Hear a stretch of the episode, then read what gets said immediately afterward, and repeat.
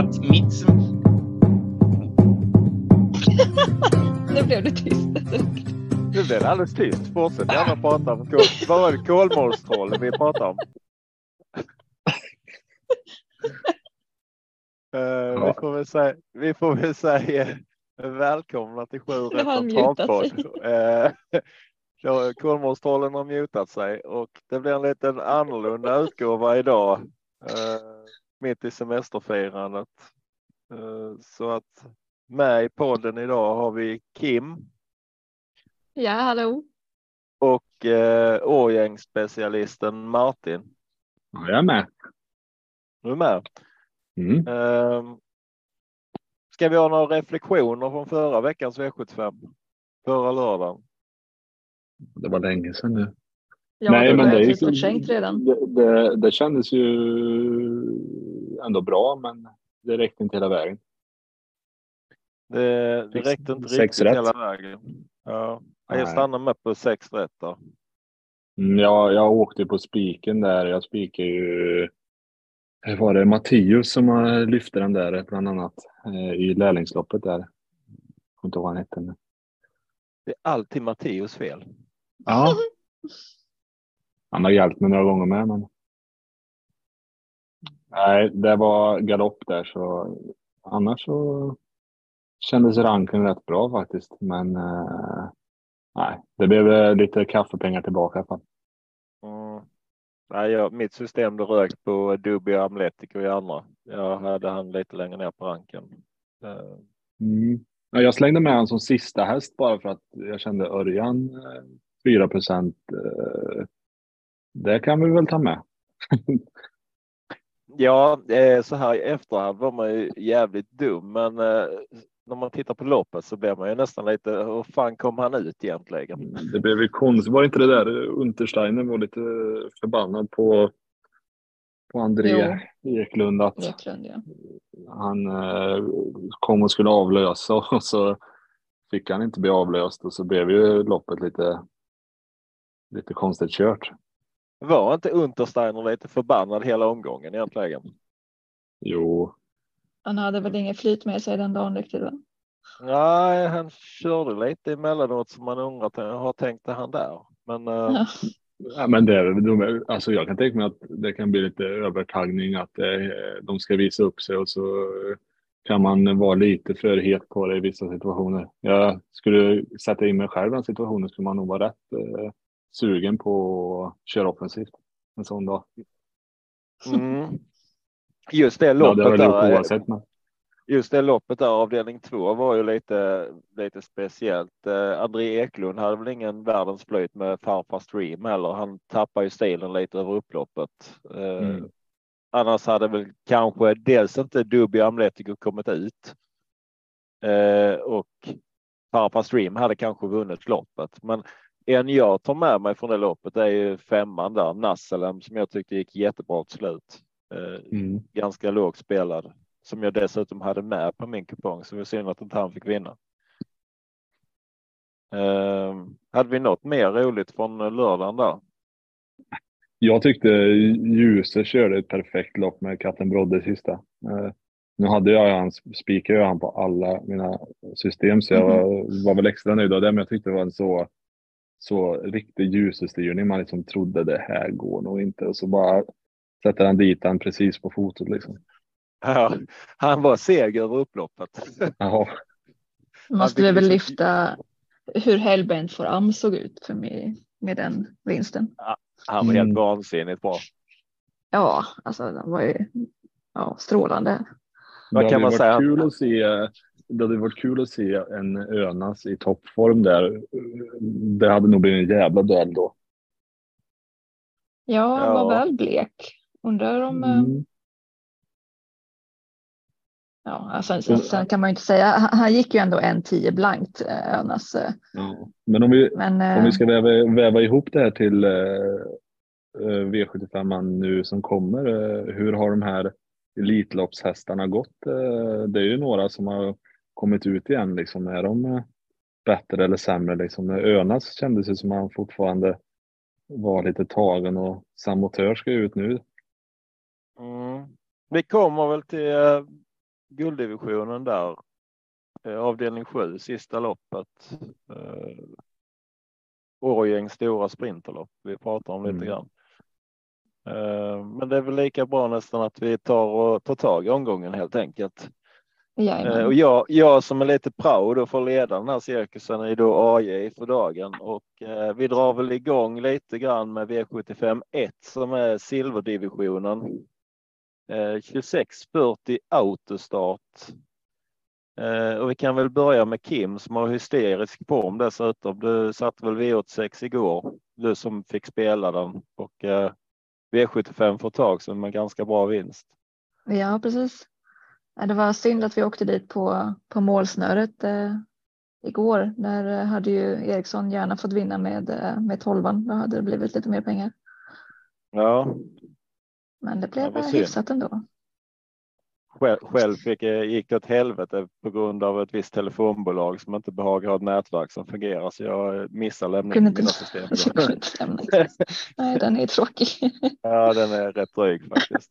Men, Du eh, var inte Telia va? Nej, jag har ett annat bolag som också börjar på T faktiskt. Jag tänkte jag ska ringa deras marknadsavdelning och se hur de ser på sponsring. Eh, och kanske lite kompensation för eh, Om man väljer att inte nämna deras namn. Precis, jag, jag känner ju som så att man, man ska ju ringa dit och så begär man ju uppsägning det första man gör för att det är det enda avdelningen som får lov att göra några dealer på Ja, så man ska ju alltid prata med uppsägningen, alltid, vad gäller telefonbolag, det har man lärt sig. Men Kim, vad har du för take på avdelning 1 här? Ja, jag tycker att det ser lite intressant ut. Jag tror spetsstriden kommer att avgöra ganska mycket. Eh, vi har ju ett Mr. Macan som är startsnabb och jag skulle tro att den förmodligen testar i spets om man skulle hålla upp. Och sen har vi ju framför allt eh, fem Santos de Castella som utmanar och den skulle ju vara väldigt gynnad av att hitta till spets. Om det skulle vara så att man är säker på att han hittar till spets så kan det vara en rolig spik i omgången. Men jag är inte helt säker på att han gör det. Senast de möttes med liknande spår så kunde han inte ta en längd på, på Mr. McCann. Så att jag tycker ändå att det ser ganska öppet ut. Och eh, två High on Pepper ska ju såklart räknas ganska tidigt från ett perfekt lopp, eh, utgångsläge menar jag. Sen har vi ju Välten Swarovski från spår 3. Också stark rejäl. Fyra Garth Vader kan vara en rolig skräll. Eh, Den har en bra spurt om den får smyga med ryggar. Och sen sträcker jag även nio Gaylord Am som ändå har varit nere i Frankrike och eh, startar från ett ganska så bra smygläge ändå med bra ryggar. Mm. Och då får vi vända oss till uh, Årgängsexperten. Det börjar med du Martin som har full koll på Årgäng. Hur är det med spår 1? Är, det Jag tyck- fördelaktigt? Jag tycker inte spår 1 är speciellt bra på Årjäng. Det, det, är inte, det är inte dåligt, men det jag, jag är inne på att eh, Santos kommer till ledningen. Och gör han det så är det ju en bra, bra spik, men det bygger på att han, i alla fall för min del, att han kommer dit. Eh, annars så tror jag att om man får gå i döden så tror jag ju nio Gaylord Am eh, kommer vara tidigt där framme. Eh, jag har fortfarande den här prestationen han gjorde någon gång där på Axvalla, var det nyår. Mega tung bana och bara tugga ner alla i dödens. Eh, Där måste jag med. Så jag, jag är lite inne på att låsa loppet på 5-9. Eh, dels för att jag tycker att High on Pepper inte har varit eh, super på topp senast eh, och är ganska hårt spelad men eh, ja. Det brukar ju vara din superspik Martin. Ja, men jag nej, alltså jag tänker att jag vill ändå gå ganska kort i första, men om jag sträcker på så är High on Pepper eh, tredje häst eh, och, och även som du har väl, nämnt välten Swarovski. Eh, mer än fyra hästar tror jag inte jag kommer eh, plocka med i det här loppet. Men eh, starkt lås annars. Mm. Det är en lite speciell eh, helg på Årgängstravet också Martin. Eh, med trav både fredag och lördag va? Japp. Eh, jag ska bara dit på lördagen. Eh, men eh, åker upp imorgon för att ladda batterierna och åka dit på lördag förmiddag morgon. Sen blir det fullt ös mot V75 och sju mm. rätt. Ja, alltså oavsett om man vinner tusen spänn på sju rätt när man är på plats så är det ju rätt kul att jobba in den där sista. Liksom. Så det, det vore kul att sätta en sjua. Ja, precis. Hade, du haft, hade, hade vi varit lite snabbare så hade du kanske kunnat få med dig en, en sju rätt travöl på, eh, som i alla fall antingen som tröstpris eller för att fira segern. Ja. Eh, ja, vi ska bara äh... rista fram dem lite i rappet. Mm, jag får väl, eh, får ni inte fram någon så får jag väl köpa någon annan helt enkelt. Rita om etiketten lite grann. Det kan inte vara ja. så svårt. ja, Ja, men vi hoppas väl på att den kommer. Eh, min take på första loppet här, det är ju att jag tror att Santos de Castella, han eh, tar sig förbi eh, Mr. McCann i starten. Eh, jag, vad jag har sett så har man inte så stor fördel av spår 1 på just eh, Årjäng. Ehm, så att jag tror faktiskt att Santos de Castella sitter i ledning och därifrån ska han slås. Ehm, jag är inne på att ta med tre hästar i det här loppet och då vill jag ha med fem Santos de Castella. Jag vill ha med nio som ni nämner, Gaylord Am och jag vill ha med Gap Vader nummer fyra som jag redan tidigt hade med högt upp i ranken i, redan i söndags. Jag tror att det är en häst som kan överraska lite grann. Eh, Hion Pepper som favorit känns lite kall. Eh, på grund av att den kommer inte till någon ledning här och den har inte sett som bäst ut på slutet heller. Så att jag, jag tror jag nöjer mig i nuläget med sträcka 4, 5, 9. Mm. Eh, så får vi se hur långt det bär helt enkelt. Men, ja, jag, kollar, jag kollar väderprognosen lite snabbt och det kommer regna på lördag. Det kan vara värt att ta med sig. Hur hanterar eh, Årjäng då? Banan? Ja, alltså jag varit, det var ju skyfall ett år när vi såg eh, stora sprinterloppet eh, och då sprang de ju riktigt fort ändå. Så att eh, det tror jag inte man ska oroa sig för. Sen kan det alltid bli, bli tungt och lite, lite stänk och någon stänkrad och sådär. Men att det kommer, att banan klappar ihop det tror jag inte vi behöver oroa oss för. De eh, går all in när de har en V75 dag på hela året. Mm.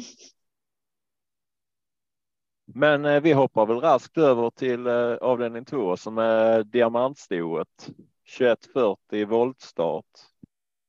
Och här tänkte du Martin få börja. Mm, vad snällt.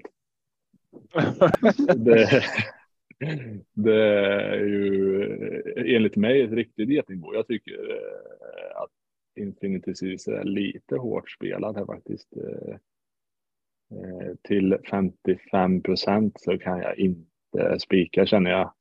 Det är en kul grej är Himalaya Sisi som eh, vann, vann för två år sedan på den här tävlingsdagen på V7. 1 procent Erik Adielsson, hemmahäst. Sträcka den. Och Sen så tycker jag faktiskt på framspår att eh, Solens skrammel och eh, eh Figurin de Fer eh, är tidiga för mig.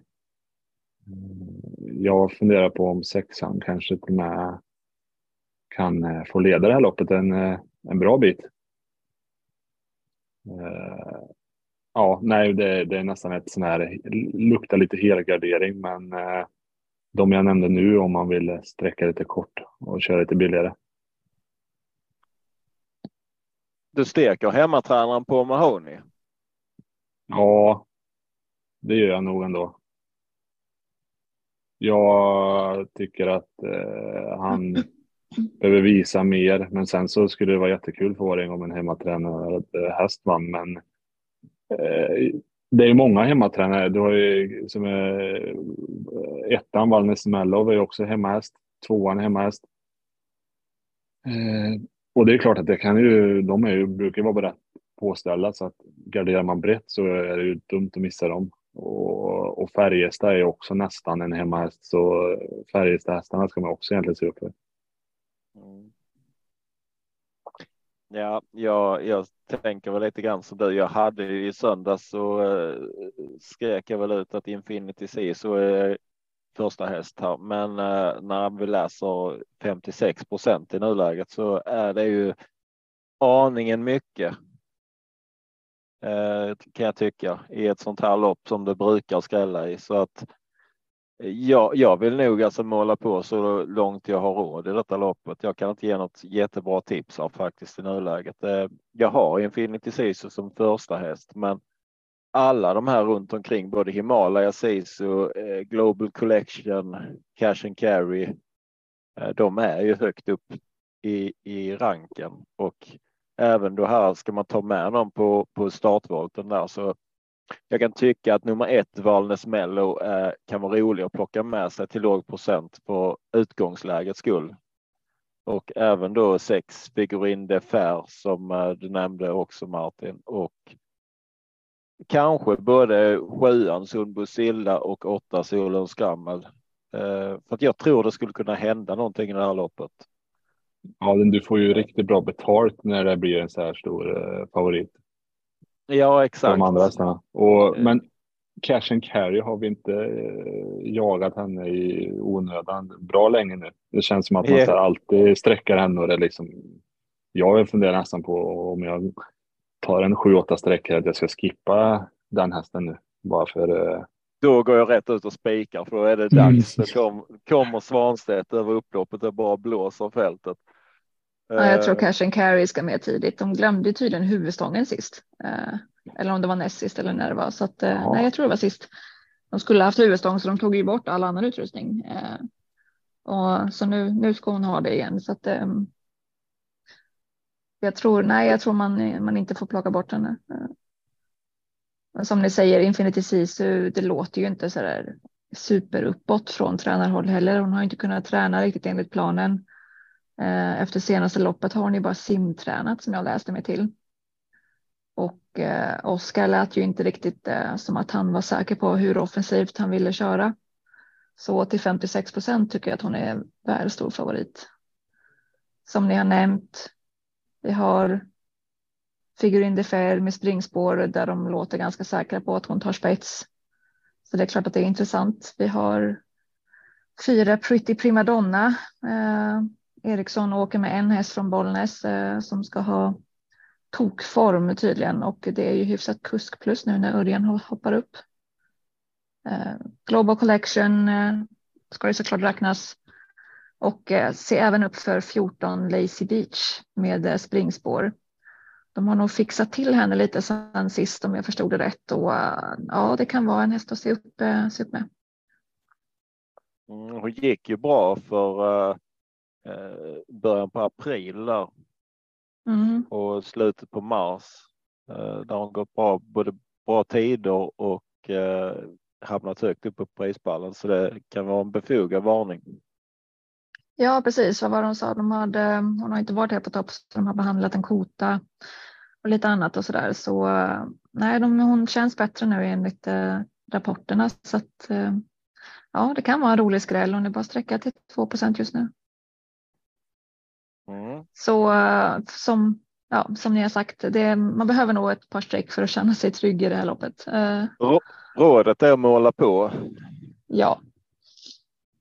Om man vill överleva. Om man inte har en riktigt bra känsla för en häst, då kan jag väl säga att oavsett spelprocent kanske man ska gå på den känslan en sån här omgång.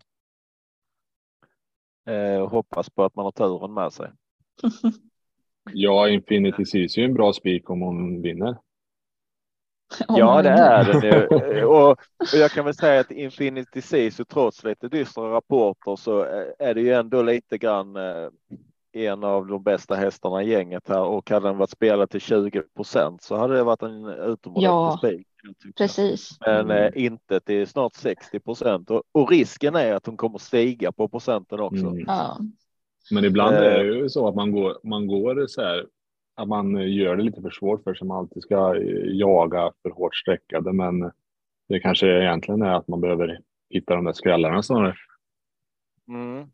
Nu pratar jag generellt. Jag kommer gardera Infinity Sisu eh, Ja. ändå, men, eh, men ibland kan man känna att man har avstått en bara för att man tycker den är bästa hästen, men är lite för hårt spelad. Det Ja. Ja, men-. Just, Men om du har en häst till, till uppemot 60 procent i spelprocent, då- eh, då ska ju allt låta bra. Då ska det ju låta som att det här är en bra chans. absolut. Ja, Det ska ju inte ha du- något snack det att nej, hon har inte kunnat träna som hon ska. Jag vet inte om jag ska köra offensivt. Det, det går ju inte att gå på en sån häst eh, när det Mm. låter så. Även Nej, om det kanske är precis. bra. eh, Hon kanske har jättebra vinstchans, även om hon får en, ett jättesnällt lopp om det klaffar. Men det, det ska ju. Det ska ju inte mycket till för att det ska strula och någon annan ska vinna. Så Man vill ju inte gärna spika en häst som, som det ska bygga på klaff. nej, precis. Det, det är helst inte. Eh, Jag tänker lite i ett sånt här lopp. Det är liksom eh, diamantsto och det är ett försökslopp. Det är 15 hästar. Det är två volter och vi har andrahandsfavorit som du nämnde, Pretty Prima Donna till 6,63 procent. Eh, Då är det ett oerhört värde i att försöka fälla en sån här favorit som Infinity Season. Ja, det, det är fan galet att Det den är är- andrahands favorit. Ja. Det är, så Det- det är är vidöppet bakom. Ja, det är liksom en häst spelad och sen har man strött lite streck. Det kan vara Harry Boy som har lagt lite streck på andra hästar här, men det är en häst man har spelat på så att jag tycker det finns ett grymt värde att att försöka fälla den här favoriten faktiskt. Mm. Helt klart. Men vi går vidare till eh, avdelning 3. Eh, bronsdivisionen 2140 återigen voltstart. Här har vi vinnaren Kim. Alltså, min första tanke när jag öppnade listan och tittade igenom det här loppet, det var att ska Orlando verkligen vara 51 procent och Denarius bara 4? Så det var första, första känslan. Alltså, nej, alltså visst, Orlando är jättebra, men ska hon verkligen vara spelad till 51 procent från spår 4 i volten? Vi har ju sex Global Virgin som troligtvis kan hitta till spets. Om nu inte Ara är allt för snabb, men det är mycket möjligt att den släpper i så fall från, eh, från spår 7. Och jag tror inte Global Virgin släpper för eh, tränaren låter eh, ganska uppåt där, hemmahäst. Och sen på bakspår har vi ju några som är riktigt intressanta. Vi har Sintra från spår 8 som dessvärre galopperar mer än hon travar, men eh, finns kapacitet som räcker och blir över om hon, eh, om hon sköter sig. Och sen har vi ju Charlotte Viking. Ja, Vi det har, är ju liksom verkligen sett, så. vi har ju sett Sintra vinna med 30 meter trots att hon har tappat 100 meter i Ja. galopp i starten. Jag menar det och och nu får hon ändå, nu har hon ändå innerspår eh, och kan rygga ettan lite lugnt så där kanske gå iväg felfritt, trava in sig och sen få lucka komma ut i andra spår och det, det kan bli jättebra. Som sagt, Charlotte Viking tycker jag inte att man ska räkna bort och sen eh, Denarius 4 procent. Vad, vad händer där? Eh, visst, det är lite klurigt läge, men jag, jag, jag förstår inte riktigt varför han är sträckad till 4 procent. Nej, du vill ha Alltså, här. Ja, jag, jag tycker att eh, nej, jag tycker att Orlando är lite väl hårt sträckad så jag kommer vilja gardera ganska så rejält här för att försöka hitta en skräll. Mm. Eh, början på veckan då i söndags när vi öppnade listorna första gången så eh, var väl första tanken att det här vinner Orlando. Eh, men nu, alltså nu är det över 51 procent på Orlando från spår 4 i volten och det kan absolut lösa sig. Eh, men det är inte så att han radar upp vinster direkt eller. Nej. Eh, det, det är mer ofta än sällan som man inte vinner faktiskt. Eh, Jag är lite benägen att ta ställning i det här loppet och i så fall kommer jag göra det för eh, nummer sex Global Virgin som har springsport med Thomas Örberg. Jag tror att han sitter i ledningen och Thomas Örberg i ledningen brukar vara ett säkert kort. Han Mm. är duktig på det här att köra efter klockan så att inte de här som har lite sämre läge hinner ifatt. Eh, Så 16 procent gentemot 51 så är jag lite Mm. benägen att ta ställning för eh, Global Virgin. Här. Hur gör du Martin? Ja, just som det ser ut nu så hade jag ett eh, lås där på hemmahästen du nämner och eh, Orlando för att jag inte riktigt vågar våga lämna Orlando. Så jag köper din eh, idé till 100 procent. Sen så en häst som ni, jag tycker är tidigt bakom som ni inte har nämnt är ju Ara. Eh, tycker jag ju ofta gör bra lopp. Har ju också springspår nu och borde inte Erik Adelsson kunna, kunna utmana en spets med den? Han är ju ganska Jo. bra på volt. Den är ju väldigt Eh. startsnabb så att det är ju den som Mm. främst Och är emot Adelsson, sexan. skulle jag Adelsson är ju också väldigt sta- startsnabb. Om vi säger Men så. frågan är om de, om de vill köra där eh, Mm. så pass eh, att de Jag eh, svarar man ut. får- Jag tänker man ändå får en, en vettig position. Mm. Ja, han kommer ju absolut. Alltså det är my- mycket troligt att han får som sämst ryggledaren och det är ju jättespännande egentligen. Ja, jag, tror, jag tror inte man kommer att gasa för fulla muggar med Ara faktiskt. Den har ändå vilat i två månader och var väl lite tveksam inställning senast hos hästen. Så att, eh, Mm. De kommer att ladda för att, för att hinna först i plankan och sen så är frågan om de inte släpper om det kommer någon och ställer frågan ordentligt. Det är ju det då. Nej, men jag ser ju scenariot att sex eh, kommer iväg så bra så att eh, Ara bara kan följa med och ta Ja. ryggen. Ja, precis. Och att han nöjer sig med att slinka ner i ryggen. Ja. Och får den lucka Ja. då kommer den ju bli farlig och den är ju 3 bara. Mm, Mm. Och det är lite som jag känner det här loppet är lite som avdelning två, att det är två hästar som är, har alla streck. Sen så är det ju jättevärde på, eh, på samtliga andra. Ja. Mm. Du har ju en hemmahäst där, Missing Toma. Nu är på Mahoney igen. Ja, den, är ju, tänkte jag också är ju, nämna. va- är ju varann, varannan, eh, varannan start på plats. Eh, Och liksom ett hemmaekipage. Får lite Mm. tur längs vägen. Kan sätta nosen först. Det är Nej, även, alltså jag, Då är även Ja. ettan Beauty Win som förmodligen Mm. får en bra position. Ja, ja, men alltså, det, ja, det är desto, ett desto mer vi pratar om loppet så känner jag att det här nästan vara mer värt att sträcka än, än avdelning två. Alltså att man, Ja, det är väldigt öppet. eh, om man inte typ tar ställning som AI, för det är ju en väldigt, eh, väldigt spelvärd spik du har hittat där. Mm. Det är, det är lite roligt när man tittar på mest intjänade pengar eh, per start, då snittpri eller snittsumman. Orlando ligger ju på 26 000 på 65 lopp.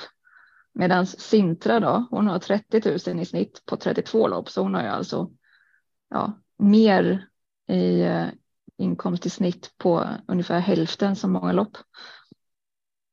Så att, Mm. eh, att Orlando ska vara 50 procent, det, det köper jag inte. Att, eh, hon är inte så överlägsen i det här loppet. Ja, Jag tror det är att omgången är så svår, i, omgången är så svår eh, överlag så att då, då hamnar alla streck på, Mm. eh, det finns inget kvar liksom. Jag tror strecken hamnar mycket på Orlando efter att nummer 12 Betting Pacer ströks. Eh, För jag tror Ja. det var lite den som utmanar om strecken faktiskt. Ja, och sen Eh, att hon gick var- den var- 9-7 senast. Det, det ser ju bra ut. Mm. Ja, det är inte helt lättlöst detta. Ehm, Det var ju förvisso på Tingsryd den gjorde den här monstertiden 9-7, Mm. men det är dock en, dock en bra tid. Eh, Mm, så jag tror att det där ha man- med sig. vid 9-7 har den gått, det är jättebra. Och sen så, Mm. ja, det tänker man inte mycket längre än så kanske när man sträcker i början enkelt. Så Och sen, sen är det helt klart att den har tjänat mest pengar i fältet också, så att det är ju en bra häst. ja, ja, kan- ja, ja, hon är jättebra. det Hon är står ju inget- jättebra men- in i loppet så att det, det är ingenting som säger det. Men eh, ja, nej. Ja, gardering är budet helt enkelt. Ja, till den här procenten i alla fall. Som sagt, det hade ju kunnat vara en rolig eh, procent till eller en rolig spik till 25-30 procent, men inte när det är så här mycket. Ja, jag är lite just på procenten så tror jag hamnar i spik på Global Virgin istället faktiskt. Jag Mm, har den det är högt, högt upp i ranken. Den är mycket roligare och har bättre läge dessutom. Eh, Men det kan ändras mycket innan lördag. Ja, precis. Eh, Vi går vidare till avdelning 4 som är 2140 voltstart. Eh, Också ett storlopp. Och dessutom kallblod. Kallblod. Eh, Så här Och så är tänkte jag att Tre volter, va? Ja. tre, tre volter och här har ju Martin lösningen. Det känner jag direkt. Ja, jag har ju lösningen, men jag har ju inte spiken om det den du vill ha. Aj fan. Nej, men eh, Ängstia är ju jättetidig för mig. Men alltså jag, jag vågar inte. Jag vågar inte ta ställning i ett sånt här eh, lopp. Eh, för det, alltså det, just det här loppet har jag ju faktiskt eh, erfarenhet av. Eftersom jag alltid är på plats så har man ju ett starkare minne av att man alltid åker i det här loppet. Yes. Det blir ju mer kännbart när man är på plats. Så ju... Nej, alltså. Som jag säger, 13 där är ju första häst, men Borgtindra har ju har ju jättebra utgångsläge.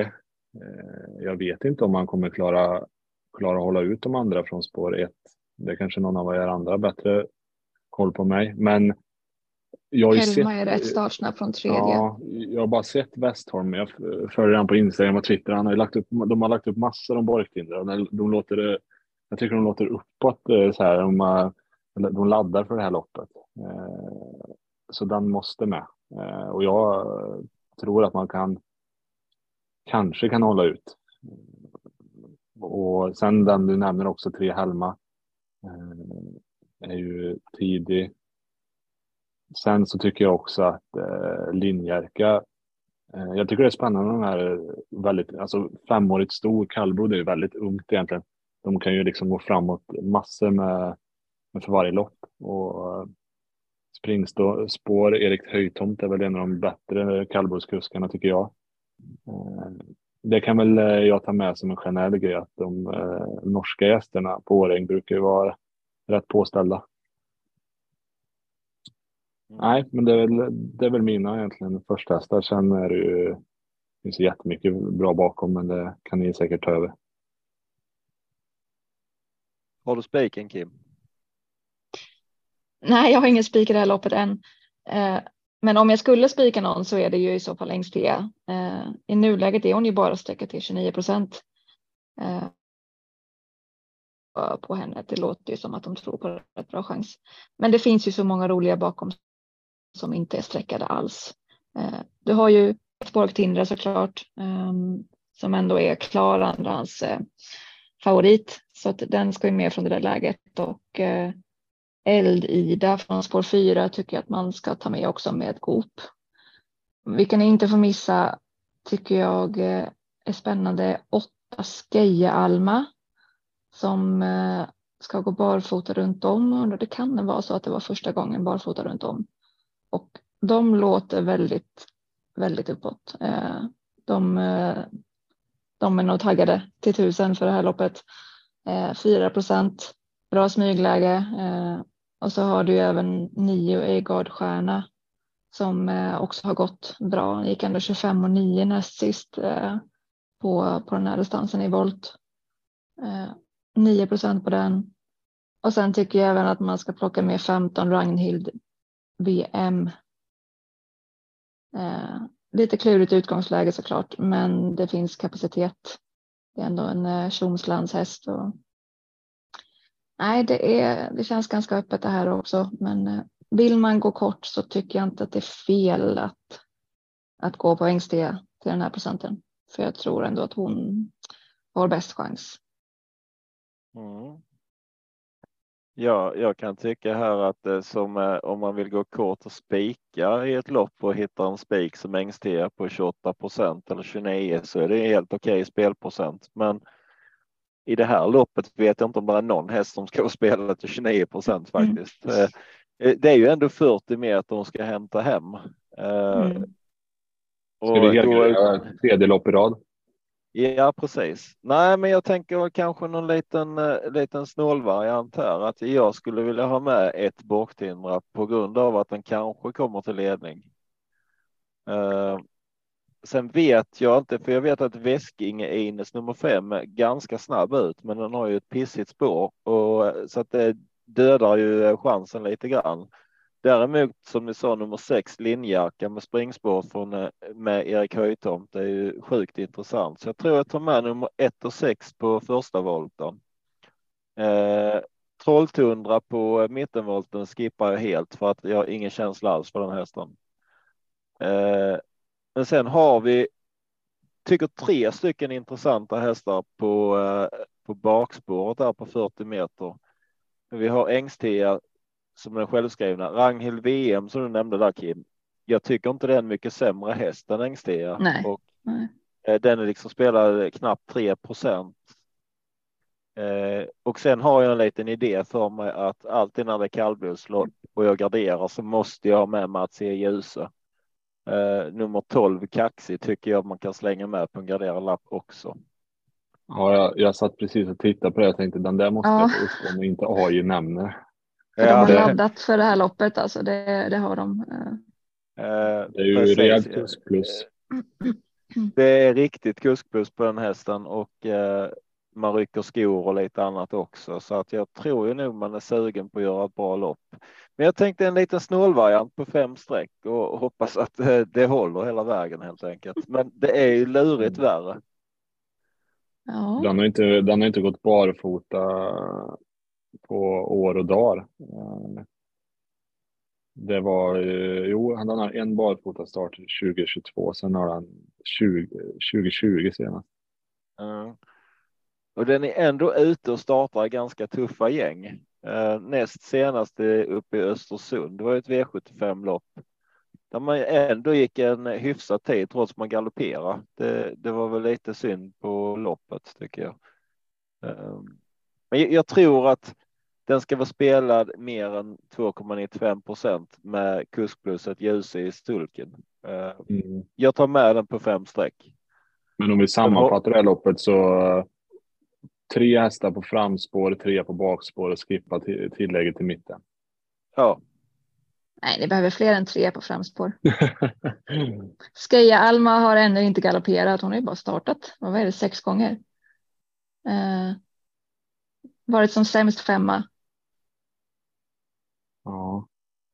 Hon Kan rygga. etta för att jag ska att, med. ja, men, ja, men tänk om den eh, får rygg på Jo, absolut. Om den tar spets eller får hamna tredje inner och får lucka. Nej, då, den, den, de blir farliga åtta ner. Men snålvargsvarianten är ju tre, tre, tre plus tre. Ja, då får ni skylla själva om ni åker det. mm. Jag tror inte, Ja. jag tror, jag, jag tror inte så mycket på linjärka. Jag, jag var inne på den först, men eh, mm, ja, jag tror att det blir lite svårt. Ja, Du spelar inte på den som sitter i ledningen utan den som kommer först i mål. Det var smart.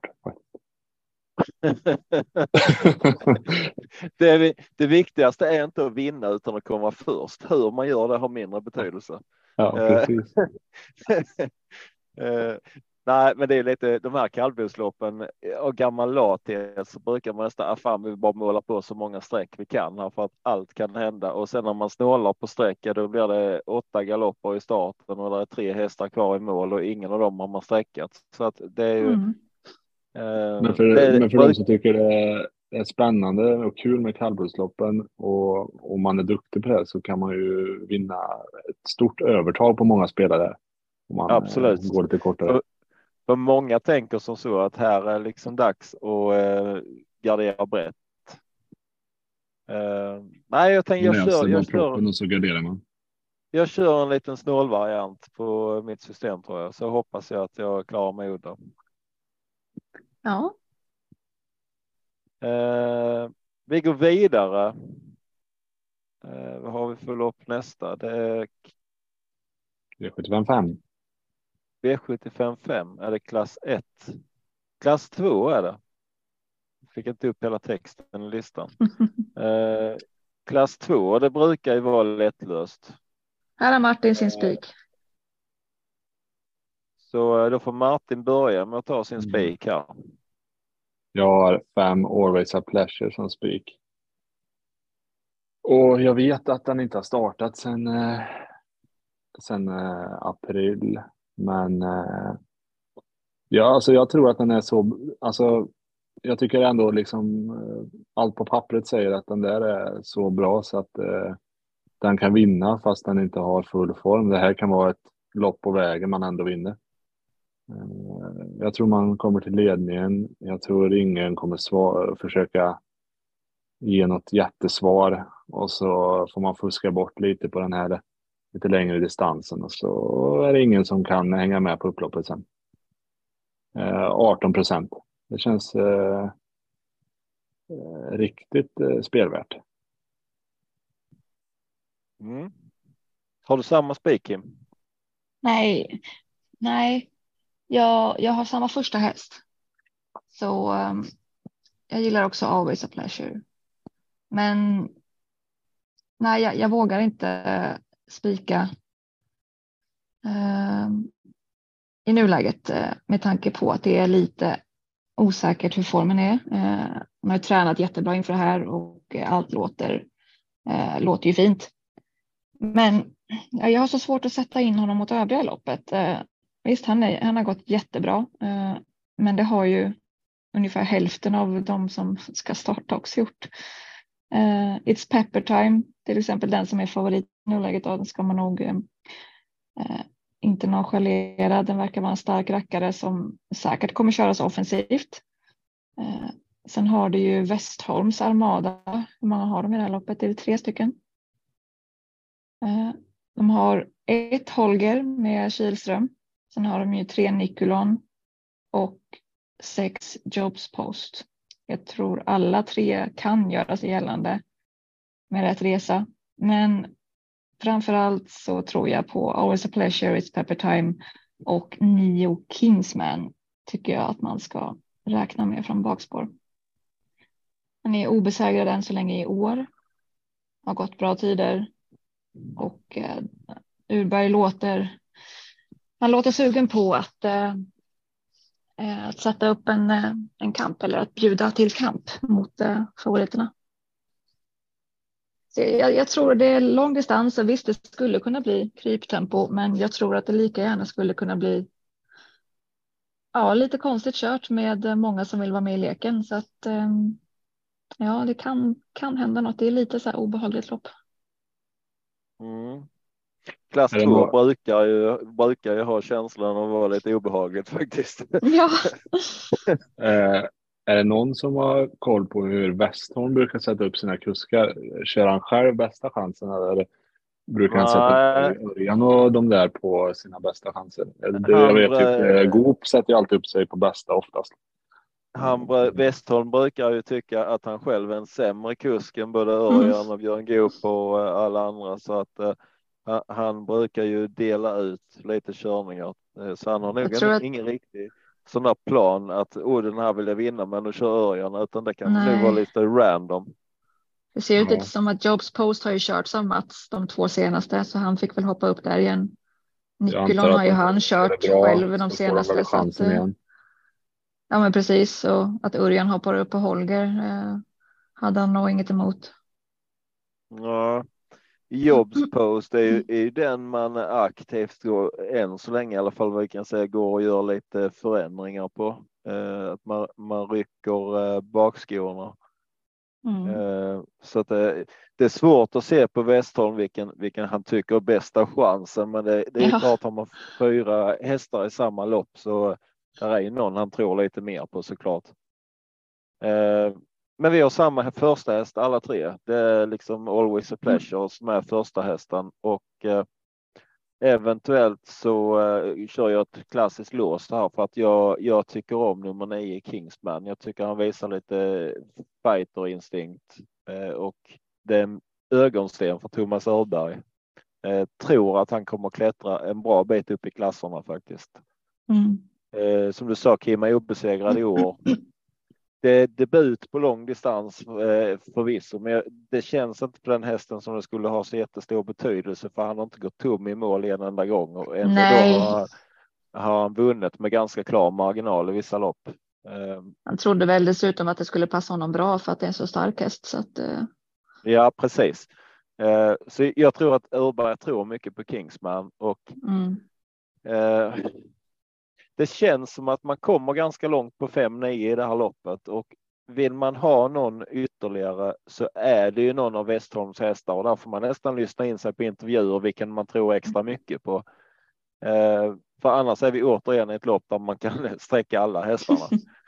Eh, sen är det klart att där, där är ju där är ju många intressanta hästar här, men de har fått lite sämre läge än i och med att vi tror att Always a Pleasure kommer till ledning, då är det ju hästen att slå och Magnus Jakobsson mm. brukar köra för ledningen och när han väl har hittat dit så släpper han inte. Eh, där är ju en kusk som är likadan och det är Jorma Conti och jag vet inte hur snabb ut It's Pepper Time är. Jag har missat att kolla det. Nej, den kan nog inte hålla ut. Jag tror att den är ganska så. Nej, det, det, det, lät, det lät i alla fall inte som att det var någon spetskandidat utan att det var mer att den här är stark och Ja. Och kommer mm. jag tror inte ens den kommer kunna göra det svårare för fem att komma nej, till Nej, jag tror inte den är med i den leken. Ja. Då känns det som en uh, sårbar favorit faktiskt. Mm. Uh, ja, helt nej, klart. Jag uh, utgår ifrån, det kan bli något streck extra, men jag utgår ifrån fem och nio här. Vi har ju till exempel 10 out of 10 från spar 8. Det är ju ett omöjligt läge, men det är en procent. Den har ju också gått jättebra. Så det, mm ja, det är kul. Det är bra hästar med som är. Ja, men det är kul när man scrollar varenda lopp och hittar de här typ mm. runt en procent som man bara. Va? Den här hade varit favorit mot ett annat motstånd eller liksom med ett annat läge. Ja, exakt. Eh, sen är det de med sämre spår där bak 11 och 12. Det är liksom hyfsat bra hästar för klassen, men det är ju jobbiga utgångsläge. Sen kan det såklart mm. lång distans vara en fördel i det, i det fallet. Men det är ju mm. svårt nu med de här sommarbanorna och, och är det på V75 att komma till. Alltså spurta från sporthåll på vintern tycker jag ändå det kan gå vissa gånger att det är så tungt att springa och sådär. Men Mm. är, det, är, det en, är det en hyfsad kusk som kommer till ledningen med en bra häst så brukar det vara svårt att hämta in något från kön för att då kör de i mm. rätt tempo. Eh, mm. Sen finns det ju andra kuskar som bara kör så mycket det går eller ibland kan de inte ens hålla igen hästarna för de vill bara springa och då blir det ju lättare för de här bakspåren att ta sig framåt. Men eh, mm, nej, två streck får, eh, får vi ha som utgång så hoppar vi raskt vidare till ett litet snabblopp istället. Eh, V75 6. Där har vi klass 1 1640 auto. Eh, och då börjar vi med dig Kim. Har vi en vinnare här? Yes, äh, vänta, nej, jag, jo, det har vi. jag kom bort lite. Jag var tvungen att titta upp eh, lite statistik på de här, typ så här, apropå att, komma till spets med bra kusk. Eh, jag fick för mig att Magnus Jakobsson var på den här listan eh, med eh, Vi hittar sällan till tät med spetsläge med favoriter.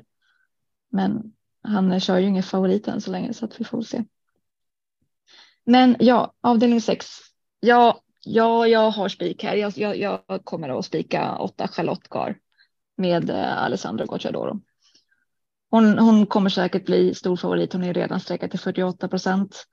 Men eh, till skillnad mot de andra som är sträckade till lika stor procent så låter ju allting toppen bra på henne och eh, Alessandro tror i stort sett att han vinner lite hur han än kör. Eh, hon kan vinna från dödens eller om man kör offensivt sen eller om man kör till slut. Och dessutom så tror jag att det kommer bli lite körning från start med många som vill vara med så att Nej, han, han trodde ju att hon skulle kunna gå en låg tio och tid från ett bättre spår så jag, jag, jag, jag tror att hon bara kommer att vara bäst i det här loppet som så många av hans andra hästar är. Mm. Vad, undrar vad han tänker han har gjort med hästen en låg tio tid. Han har ju liksom inte gått så fort någonsin. Nej, han pratar ju om eh, att han gick 11-8 senast i Rom och det är en långsam bana så att eh, så att det, det var nog en, eh, det är nog en bättre tid på svensk mm. mark så att säga redan där. Så och jag tror också att den, den har vunnit väldigt enkelt dessutom så att eh, den har nog inte varit uh, slutkörd. Nej. Så det, det, blir i alla fall helt, helt klart spännande att se med Sverige debut för den här. Men jag, jag, tror att det kan vara ett sånt där monster som bara kommer ut och vinner med upploppet. Um, så om allting låter bra inför starten så tror jag nog att det blir omgångens spik. Mm, vad har du för take på det här loppet Martin? Jag, jag rankar inte Gocciadoros häst eh, först och definitivt inte en spik då. Jag har eh, några framför där som, eh, som jag rankar före. Två Mitzi Gold Eh, tycker jag är riktigt spelvärd till eh, under 10 procent just nu. Eh, öppnar det rätt bra, men jag vet inte om han kommer till spets dock. Eh, ja, då är det ju ännu intressantare. Men tre Dragonfly är ju, eh, tycker jag, en jätteintressant norsk gäst. Jag pratade om den förut, om kallbloden, när norrmännen kommer på besök på Årjäng. Nu är det ju inte ett kallblod, men, eh, mm. nej, men första svenska starten. Jag vill ändå tro att 12-9 på Bjerke, det går att springa fortare på i Sverige, även om Norge också har bra banor. Eh, och Magnus Tejen Gundersen är väl eh, lite eh, Magnus Djuse light i, i Norge, så det är en bra kusk. Och fyra Darius Di Poggio. Björn Goop vinner alltid minst ett lopp den här omgången. Kanske det här. Eh, SG Misteral. Örjan. Den där har ju liksom, den där jagar ju någon varje omgång känns det som när han är med på V75 och den har lite så här små, små svåra lägen och det blir konstiga lopp. Det är ju, det är Marcus häst Ja, det kanske det är. Det är han som alltid mm. jagar den. Ja, det har fått det ifrån. ja, men jag tror att jag har hört det från annat håll med. Ja, det är många som jagar den. Ja. Och, så ständig nästa gång det. Ja, men alltså så här, får den en bra gång. lopp. Får den, alltså den här hästen ska jag klaff för att vinna, men det är okej okay när det är 5 procent. Eh, och sen så, ja, alltså det är Dirty Martini bara 2 procent. Nej, jag tycker alltså. Jag är lite så här när ett stor möter så här bra hingstar Wallackers och, och har spår 8 då och har, har hälften av alla streck då, nej, då vill jag gardera och det är främst de som, som har bättre spår än favoriten. Eh, I det nuläget så sträcker jag egentligen 2 till 8 rätt av. Mm. Jag tycker inte du ska glömma 9, 10, 11 om du garderar. Mm. jag, tycker det, jag... jag tycker det är vidöppet bakom Charlotte Gar. Irma Sisu är jättespännande från det där läget och även What a Deal, den, den har ju toppform liksom. Men mm. ja, nu tror jag att åtta vinner, men i övrigt så är det jätteöppet som du säger. Mm. Ja, men då tror jag, jag... att de som står framför har bäst chans. Det är min take på det. Mm. Mm. Jag hoppas jag har fel på grund av din spik där Kim, men uh, Charlotte Gar vill jag nog se lite grann av innan man vinner som stor favorit från spår 8 här faktiskt. Och att man skulle gå en låg 10 tid är svårt att tro även om det har gått en 11-8 i, i rum. Uh, det är en häst med 40% galopper i raden. Uh, och från spår 8 så känns detta som det kan lika gärna bli en snabb gunga som att man eh, ska kunna ta sig fram eh, förbi hela fältet och vinna ifrån alla positioner eller vad Gocciador tycker. Eh, jag tycker den är överspelad som favorit som jag tolkar loppet och jag tror att nummer två Mitzi Gold sitter i ledningen. Man drar på biken och man utrustar hästen med ett blinkersöverlag dessutom så att jag tror man eh, satsar på ledningen där. Eh, och den hästen har ju faktiskt gått bättre tider än vad Charlotte Gar har gjort hittills om man inte går en låg 10 tid, vilket jag har svårt för att tro. Eh, vet inte hur snabb Årgängs bana är i förhållande till Rom, men absolut säkert en bättre bana. Men jag ja, är men lite... om det regnar imorgon så, eller på lördag mm. så är, är den säkert inte lika snabb som Rom. Eller vad ska säga. Ja, det, här kanske är en, en, det här kanske är en Oskar Svanberg fråga. Ja, Vi ska faktiskt. kalla in experten. Vi får kalla, kalla in en travexpert, men jag som var lite snål i något annat lopp. Jag tror nog att jag skulle helst vilja måla igen det här loppet för att jag ser ett oerhört spelvärde i många av de här hästarna. Eski Mistral 5 som vi sa.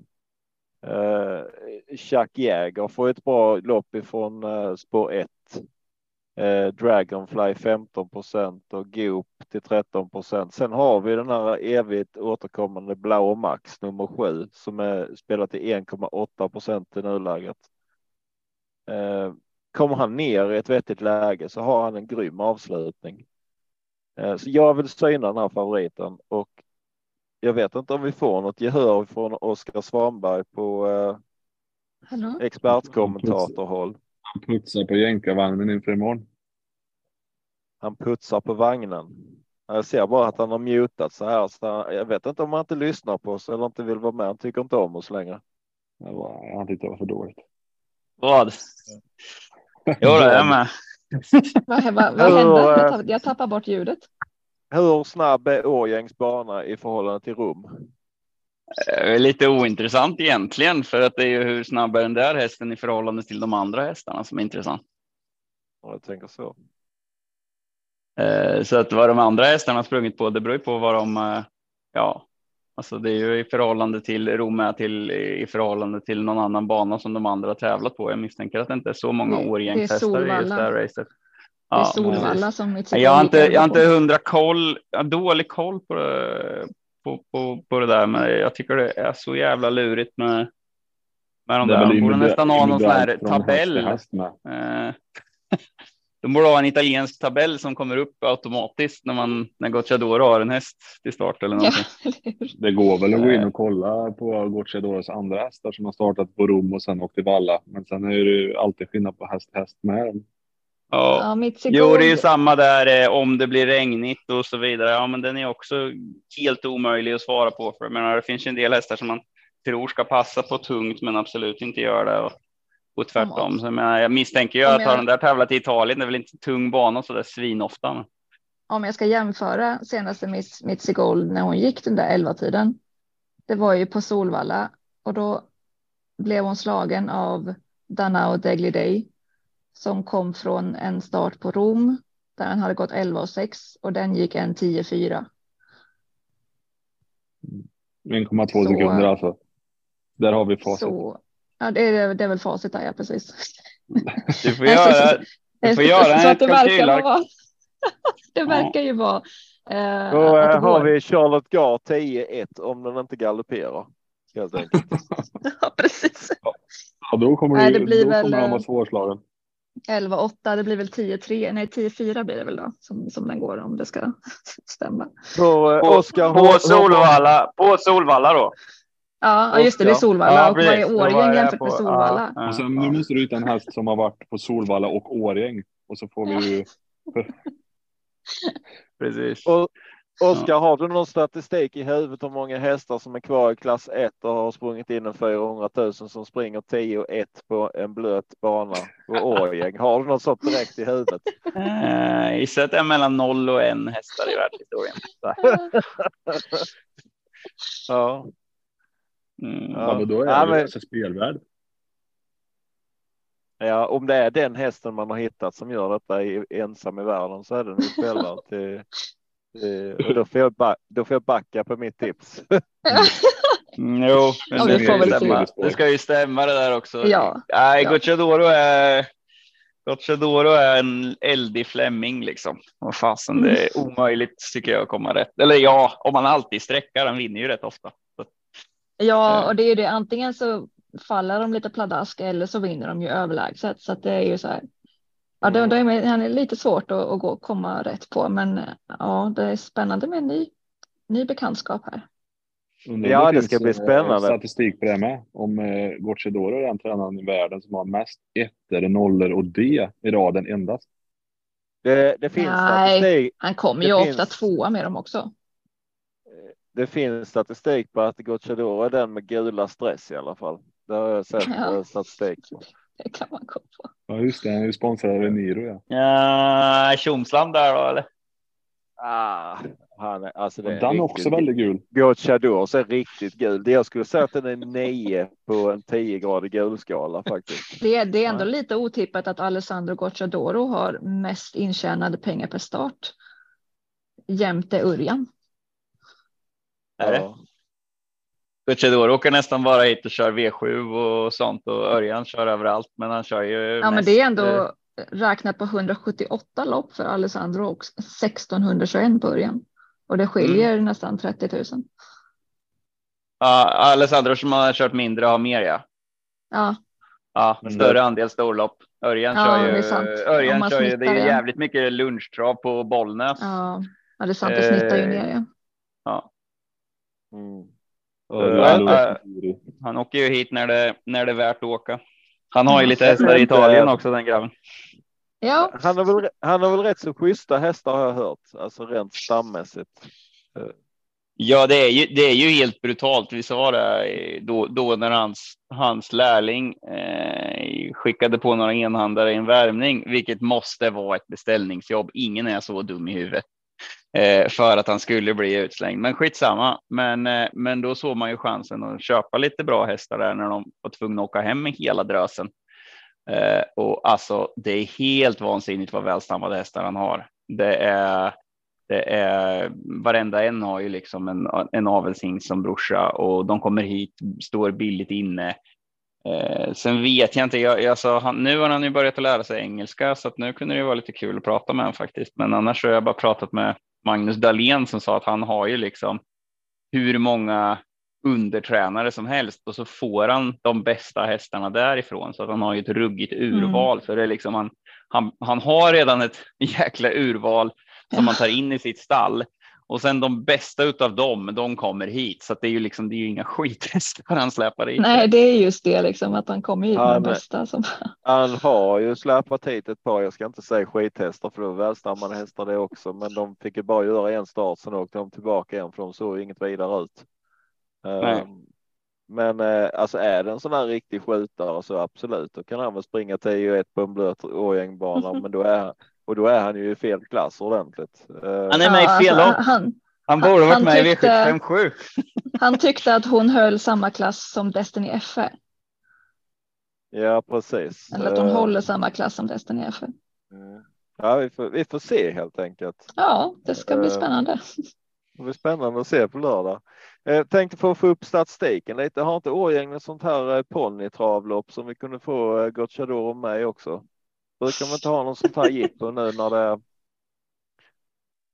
Ja, de har ju eh. ponny, ponnylopp brukar ju gå där på, men eh, det, är väl av det mer seriösa slaget. Där det ja, ja, men kan vi inte få med någon gul kusk där tänker du? Ja.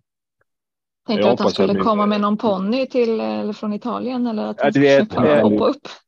en, eh, en ponny, ponny som springer 12 och 1 på 26.40 eller någonting.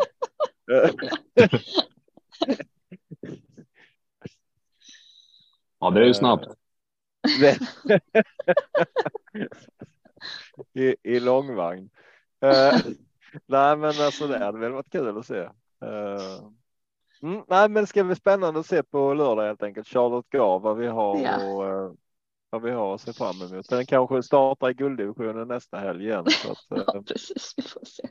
Vi vet inte. Mm. Och på tal om gulddivisionen så har vi ett lopp kvar och det är ju V75 7 som är eh, Årgängs stora sprinterlopp. Eh, 1640 autostart trav. Vem tar ledningen här Martin? Clickbait. Håller han där hela vägen? Jag tror att han håller i, i 1496 meter. Och, sen och vem är det som tar över? Sen tar över ja, med, med hundringen kvar tar Samotör över. Alltså jag vill så gärna fälla Sandmotör. Jag vet inte. Det bara, ja, men alltså jag måste, känner så här, måste alltså gå emot bara för att. Lite, det är lite samma läge som i, i Elitloppsförsöket, typ samotör, spår långt ut, eh, bra ja. hästar invändigt och så, och så stångar han ner dem då liksom på 1609 meter och så känner jag så här, ska clickbait hålla undan? När inte fransmännen lyckades göra det i försöket. Alltså, no offense för clickbait som har varit svinbra, men alltså han måste ju vara, han måste göra sin livsprestation eller så måste samotör vara lite dålig för dagen att han har haft eh, det här med aveln och eh, inte startat ja, sen det är ju Elitloppet. Typ. Ja, det är ju något av de två grejerna. Clickbait ja. är superbra och att Samotör inte är bäst för dagen. Då, då tror jag clickbait vinner. Jag tror ingen ja, annan men... än de där två kan göra upp om det.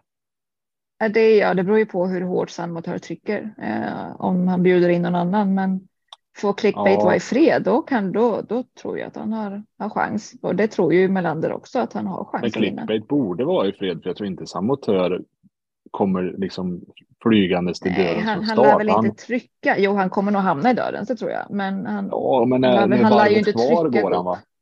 Varvet kvar går han en lugn döden, så sen så tar han en i spurten typ. Jag tror inte han kör offensivt från spår 7. Han är ju rätt startsnabb. Ja, fast han har, han, han har väl haft lite problem med just startmomentet. Samotör. Har han inte varit lite nojig där? Han har vet hoppat någon gång bakom bilen. Ja, det spelar nog inte så stor roll, men som du säger, han lär ju hamna i dödens. Men nej, alltså till 65 procent. Det, det är klart, han kommer säkert vinna, men Ja, fast det, det här känns ju vill- jättespelvärt. eh, Ja, till 65 verkligen. När du spikar om det är en någon gång stor- man ska ett sto i klass liksom. 1 från spår Ja. 8 till 48 så är det här superspelverket. Sann motör från spår 7.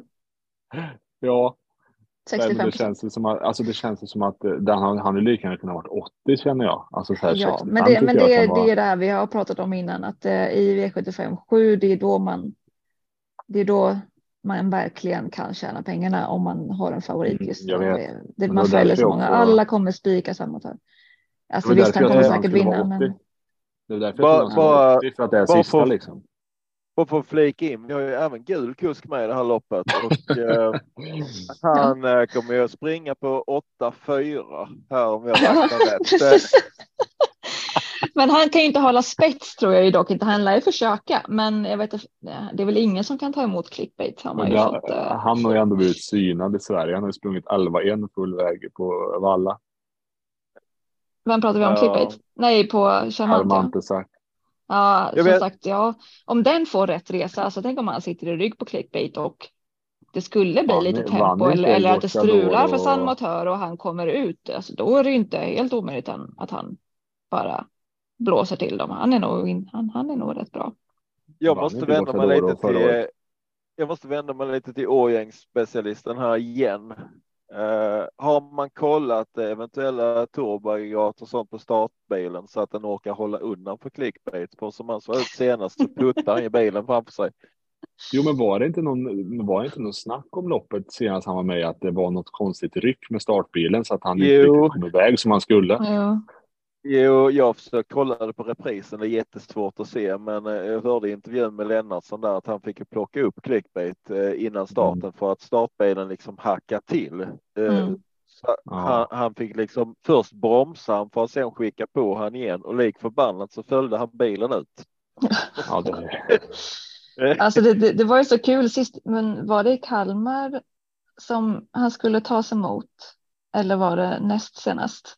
När det, när det var verkligen första 20-30 meterna såg man typ, nej men det där, han håller ju ut honom i en längd och sen så la clickbait i växeln. Ja, det var ju det här växeln snacket. liksom och bara eh, det var ju snacket spets, där liksom. Usain Tull i Kalmar. Eh, Ja, va- var det det? Usain Ja. Tull, ja, jag tror, tror det var Jeppson som körde Usain Tull från spår två eller något liknande, två eller tre. Och eh, alla spådde då att eh, oh, han Mm. kommer, uh, clickbait kommer aldrig ta sig förbi Usain. Tull i starten. Och han var väl liksom igenom första kurvan innan Usain Tull var framme nästan. Eh, var Ja, men det, det var ju just att, att han har den där, han, han kanske är jämnsnabb med Usain Tull och vissa andra, typ de första 30, men sen så lägger han i andra växeln liksom och då är det, det går, det går ju inte att svara honom då. Liksom. men det var ju snack om i vintras också eh, att eh, eller vintras i våras att Chapuis skulle hålla ut för clickbait med. Alltså Mm. de försöker ju med vilken häst som helst att hålla ut men det, nu kan vi bestämma att det finns ingen. Det går Nej, det, det, går, det går ju liksom inte.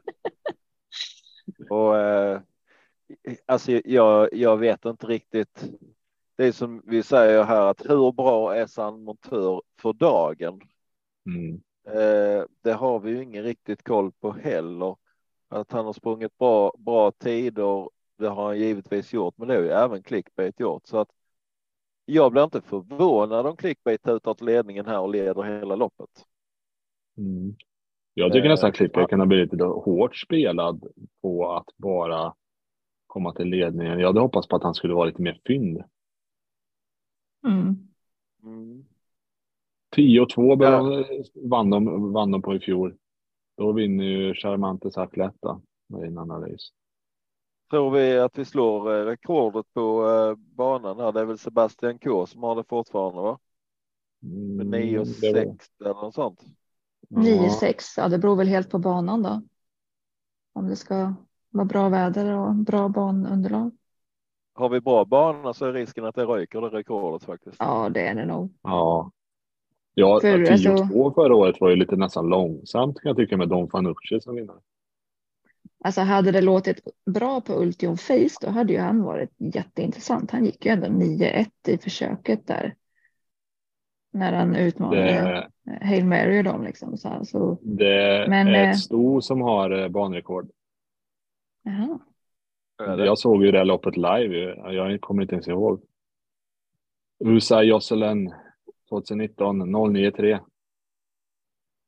Jag tror det var Sebastian K faktiskt. Mm, och äldre hingstar och vallacker har rekordet Nadal Broline 093 18. Okej. Som har delad eh, första plats där. Men jag tror inte att Adrian kanske gasar med Ultion om han nu skulle få feeling och han känns bra. Ja, så Och kunna trycka upp tempot lite mot clickbait. Ja. Liksom. Då kan vi få en Ja, riktigt det, bra tid. det kan han kanske göra, men frågan är att då. Jag, jag, Ja, han, han, går ju inte vinnande ur striden, men eh, ju- just med tanke på att eh, få en sån där rejäl tid och att eh, det kan bjuda in andra. Då bjuder Jag han ju in tror, eh, också. jag tror Ultion kan vara farlig ett sånt här lopp om han lyckas roffa åt sig en bra position på den här sjätte Mm. spår, typ eh, andra utvändigt och få spara all speed han har till sista 600 meterna. Då tror jag han kan vara farlig ett sånt här lopp. Mm. Även Missile Hill, han kan ju spurta. Mm. Och där går man ju där går man all in på med bike igen nu Ja. och eh, barfota. Eh, Ja. Jag, jag tror egentligen det här loppet står mellan två hästar. Det är liksom clickbait och San Montör. Däremot så kanske jag plockar med något bonusstreck på min Ja, det ligger ju sånt spelvärde i det ifall att. Liksom. Speciellt om man känner kom- att man har kontroll på omgången i övrigt. Så. Jag kommer definitivt återigen att lägga ett platsspel som jag gjorde förra helgen på nummer fyra Unico Broline.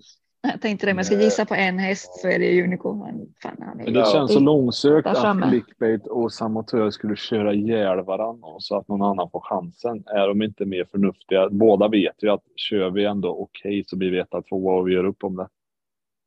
Eller? Jag vet faktiskt inte för att om, om clickbait tar sig till ledningen här Mm. eh, så tror jag Per Lennartsson han är så förnuftig att han liksom inte drar järnet och får han spara eh, får clickbait spara så är jag inte säker på att San Motör är så snabb så han lyckas ta sig förbi clickbait. Nej. Mm. Och då måste, då måste Goop sätta upp, menar du, ett stenhårt tempo och eventuellt bjuda in någon annan också. Någon Han kanske inte stenhårt tempo, men han måste nog. Ja, precis. Han, han måste nog. Han kan inte köra hur defensivt som helst, för då går det ju Nej, inte. alltså att går, ta går, där, det, liksom. går det till exempel 10-5 första varvet så vet det fan alltså om eh, San Motör har, har den hastigheten i benen för att ta sig förbi clickbait i ledning. Eh, för Jag skulle inte clickbait 20 på varvet då. Ja, Jag skulle det- inte bli förvånad på att eh, alltså, om Alessandro kör offensivt med Charmante Sack om han kommer ut. Det skulle ju kunna vara en, eh, en kusk som trycker på i dörren. Det, det, Har vi Det är sett. den enda jag ser skulle kunna sätta färg på det här loppet. Och som skulle kunna ha häst till också. som- Och det han riskerar att sitta fast. Det är där jag känner att det kommer bli så låst det här loppet att har du 2-7 Ja. så har du nästan helgarderat känner jag. Men, men med tanke på hur snabb tvåan är så borde det ändå vara ganska bra chans för Alessandro att hitta ut direkt i andra spår. Ja, det har du en poäng. Att han lä lägger sig tar dödens positionen direkt.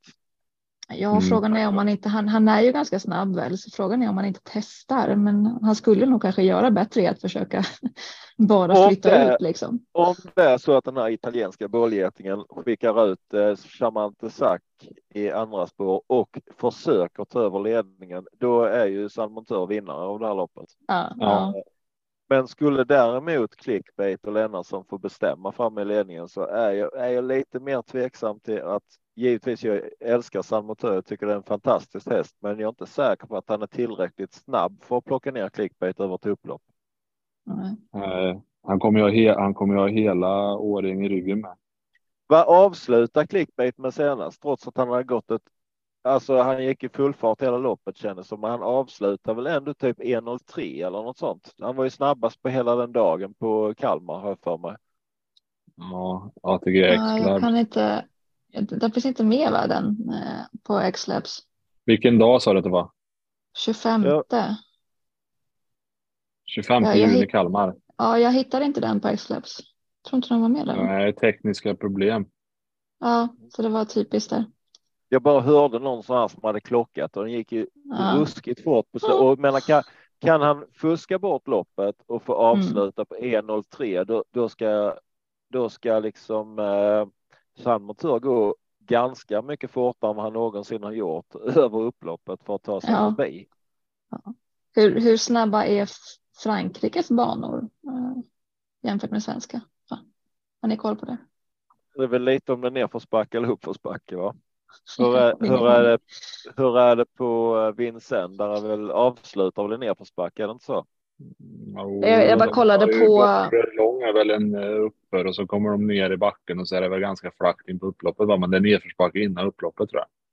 De jag kollade på, innan. på Charmante Sack, han hade startat på, på Kangsurmer. Eh, nu kan inte jag uttala franska, men eh, han hade ju gått 9-6 där på sprint. Jag tänkte hur det jämförs med svenskt. Ja, det ska bli spännande att se detta sista loppet faktiskt. Ja. Men visst, det, det känns på förhand som det står mellan två hästar och det är de två som är spelade mest. Ja, Jag plockar med tre, så jag, fram, bara ifall att det blir så att två tryter, men eh, det är i så fall Charmante Sack som åker med som tredje häst. Mest för att det är en extra krydda, 20 procent är inte så himla intressant i garderingssyfte så att säga. Visst, det ger ju lite, men Men är det inte förvånande lite streck på Samotör med tanke på att vi typ har velat helgarderat fyra lopp och så kommer vi ändå till sista loppet typ folkets häst och den är ändå bara 65. ja, det lär väl frågan stiga lite. Jag tror den kommer att stiga lite grann samtidigt som eh, vi hade favoriten i avdelning två, Infinity Sisu, som drar mycket streck och många har lagt spik på den i nuläget. Eh, Men om du har liksom nästan 60 på Infinity och så har du 65 på Samotör, vilken eh, skulle du ta ställning på då? ja, då tar jag ställning för samma tur och hoppas att någon utmanar Mm. clickbait. Mm, Kan vi, kan vi ta in, kan vi ta in travexperten igen? Ja, gärna. Oskar. Hur påverkar det egentligen hingstar när de kör avelsarbete mellan, eh, mellan lopp? Ja, den är bra. Den är bra. Men det där är, det där är väldigt individuellt. Det är en del som klarar det hur bra som helst. Eh, vad jag förstår så var de rätt så nöjda med honom nu, men han, han hade ju känt sliten inför Elitloppet. Men eh, jag tycker han var ganska okej då. Eh, eh, nej, men sen, en del blir ju jättesänkta. Det känns ju lite som att Power, eh, han var ju inte sig själv på väldigt länge. Det verkar ju som att han inte riktigt klarade av det. Eh, sen har jag inte hundra koll på det, men, men nej, men det, det är väldigt individuellt. En del klarar det hur bra som helst och, och andra måste koncentrera sig på, på bara en sak. Det brukar ju bli att de är slitna, framför allt i bakkärran och det är ju lite det är lite varierande också den biten vart de har sina akilleshäl. Så jag kan väl tänka mig att om man har ett problem med bakknäna, då kan det ju vara lite jobbigt. Men eh, han har ju klarat det förut. Så det var ju egentligen mer högsäsong inför Elitloppet än nu. Så. Okej. Men han har ju jobbat. Han har ju jobbat på ordentligt. Eh, vart fasen var det Håkan var med? Eh, var det i? Var det lördag hela veckan? Tror Mm. det. Alltså och lyssna på honom när han pratar om sin häst och han börjar ju nästan gråta över hur rolig han, orolig han var över när han var med i Elitloppet att han eh, att han skulle vara okej och hela den Han grät, biten. han Liksom. grät ju nästan nu också över att han skulle starta på Årjäng. Ja.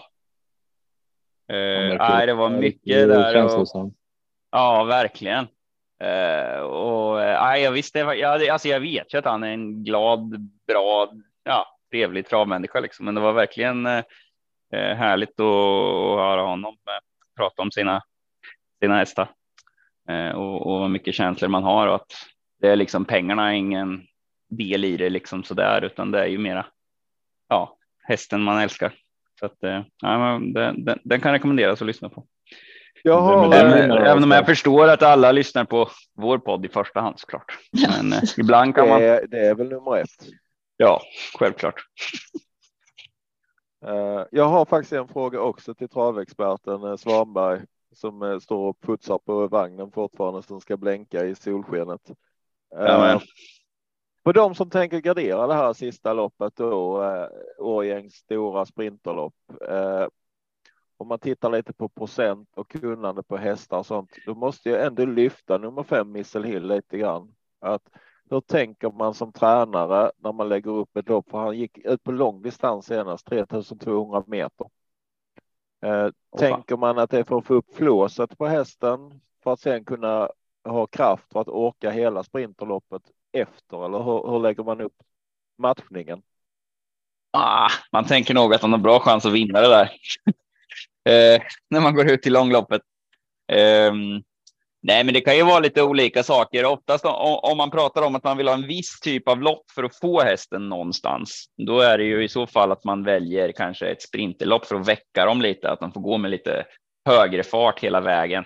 Alltså, som regel så är hästarna ungefär lika trötta hundra kvar för att sprinterlopp, då, alltså då trycker man ju till i högre tempo och ju längre lopp det är, desto ja, mera uttröttad blir man ju liksom. Så att, så att, eh, men eh, om många gånger om man vill åt längre distans eh, så kan det ju vara att man tycker att hästen kanske trivs bättre i något lägre tempo.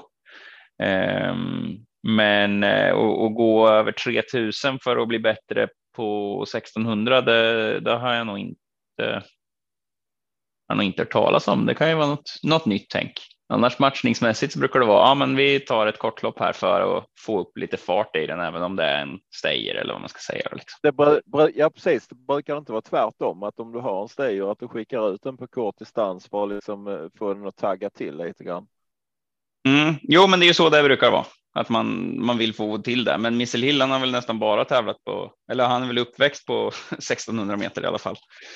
Uh, ja. Där är väl en som man trodde skulle kunna vara med och utmana i ett sånt här lopp, men han har väl inte riktigt varit i, i den, den kalibern. Men det är klart, skulle jag han leva upp. Och... Med, jag tror de siktade med, på långloppet i Halmstad med honom, men de kom inte med. Så det blev okay. det här istället. Den var ju lite, fick man... den är lite rolig. Vi, vi kom inte med i lång... så, så det blev långloppet så vi, vi fick visst vara med i Årjäng Stora istället. Men, ju... Men, så skrev han ju också att, typ, att typ, han brukar vinna när ingen tror på honom. Liksom, så att det är nu han vinner. Typ. Ja. Han har ja. sin spurt. Ja, nej, det är klart att det finns talang där, men det är ju, man har ju svårt att se. Det är väl de två nämnda och sen Gocciadoros där som är. Han är väl bara fem år, va? Ja. Uh, ja. ja, en sån känns ju lite som att den, den en sån kan ju faktiskt visa ytterligare lite mer. Missile Hill känns det väl som att vi troligtvis, alltså vi kanske inte har sett eh, botten i han eller vad man ska säga, men, men eh, att han ska utvecklas och, och vara ytterligare bättre än vad han har visat. Den, det är ganska låg chans, även om det såklart förekommer. Men en femåring, femårssäsongen kan ju ta lite tid att växa växa in i så att eh, de, de, de här riktigt bra hästarna, de kan ju utvecklas fortfarande som fem, sex så, så att den, den, den kan man väl kanske, och från spår ett också, så ja. Det är väl ingen vad omöjlighet. På, vad har vi på Samotör? Han är väl bara sex va? Mm. Ja, han är sex. Eh, han är ju så otroligt sparsamt. Eh, han är så otroligt sparsamt startad. Eh, jag menar som bara som i år, alltså det är ju helt sjukt vilka race han gör direkt när han kommer ut. Och menar, det lät ju, man hörde ju verkligen på Håkan, det här loppet betyder ju oerhört mycket för honom. Eh, alltså just Årjängs stora.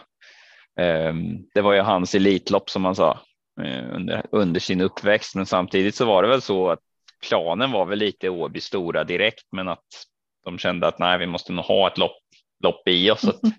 det, kommer, det kommer en häst som inte kommer med på i 3000 meters racet så går med i vår historia. Och sen är det en annan rackare som ska ha ett lopp i kroppen.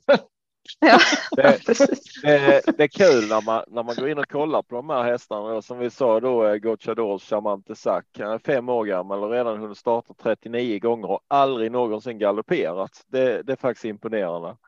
Ja, det är rätt så eh, vasst. Det är inte så att Gocciadoro safear så där skitmycket heller. Nej, nej precis. Och li lika imponerande är det faktiskt med nämnda clickbait som har startat 75 gånger och galopperat en enda gång. Eh, man måste ju vara eh, jättestolt när man har fått fram en sån häst. Han har en procent i galopp. Det borde innebära en galopp. Jag har inte kollat mer ingående. Ja, nej, det är en del som är rena travmaskiner. Eh, jag har haft någon så där som till och med har blivit påkörd, men sen ändå travar vidare. Precis som inte kan galoppera. ja, nej. Eh. Ja, nej, men vi har väl. eh, Vi har väl nämnt lite vad vi ska om det här eh, Årjängs stora sprinterlopp. Ja, Eh, var hittar vi? Eh, var hittar vi era andelar, Kim och Martin? Om man skulle köpa dem ja, på atg.se slash ligger min och Kims andelar. Kommer att försöka få upp preliminära system eh, fredag kväll, lördag förmiddag så man kan bilda sig en uppfattning om vilket system man, man tror mest på själv kanske som köpare. Mm. Och eh, önskar man mina andelar nu säkrast att åka ut till Öland så har Marco handskrivna lappar där man kan eh, swisha en slant. Eh, och få en eh, podden öl på köpet kanske. Podden öl på köpet, ja. Det, det är det man vill ha. Vissa har- gör reklam man vill ha cykel på köpet. Det är jag inte mycket för. Jag har, fan, jag har inte plats till fler cyklar. Jag vill inte ha dem. Jävligt dyrt också. Eh. En öl på köpet hade jag mer gått igång på för att det är ju ändå, då har man i alla fall en öl. Eh, Men skulle man vilja köpa någon av eh, mina, Tobbes eller Marcus andelar går man in på atg.se slash gottkopet. Eh, Och har vi bara Televerket med oss så kanske de till och med lyckas bli inlämnade denna gången. Eh, ett litet missöde där som vi har en liten skadeståndsärende hos en telefonleverantör. Så det är ett litet missöde med V86, men det ska inte upprepas igen. Eh, Dock, om det visar sig att vi har en ny sponsor så glömmer vi det där. det, vi skulle kunna ha en ny sponsor och jag säger inte att den skulle kunna tänkas heta Telenor. Jag gör inte det, men det kan vara dem. Det kan också vara Tele2. Det var snyggt där att säga att det bara börjar med T. Så eh, Ja. vi får se. Eller ja, vem, vem av er vill sponsra oss? Det är ju lite där. Ja. Eh, vem, vem vill ha minst skit slängt över sig i Ja, inspelad podd? Det är väl lite det det handlar om och hur mycket är det värt? Mm. Vi, har, vi kan ju liksom köra det här knepet att vi skickar en faktura med en lämplig summa vad det kan vara det är värt. Men ofta är det bättre om man har någon form av kommunikation att man kommer överens. Mm. Eh, Klokt. så att, eh, om det är någon som känner sig träffad att man jobbar på ett telefonbolag som eh, börjar på T och eh, säger att man har täckningsgaranti överallt. Eh, de kan ju alltid höra av sig till podden via Twitter eller någonting annat så kan vi säkert dis diskutera fram något bra. Du, kanske kan få någon annan som, som, som vill visa liksom att men vi har faktiskt täckning även på Gotland så att mm, de, de vill sponsra. Ja, ja precis. Eh, Fast det, det var väl, det var ju inte problemet för de hade säkert täckning på Gotland. Men, men AJ jag, jag var ju inte, var ju inte på Gotland. Det var det som var. Det var ju där Nej, vart var du då? Eh, ja, jag var ju typ eh, här i södra Sverige där man då alltid har täckning med alla Ja, okej.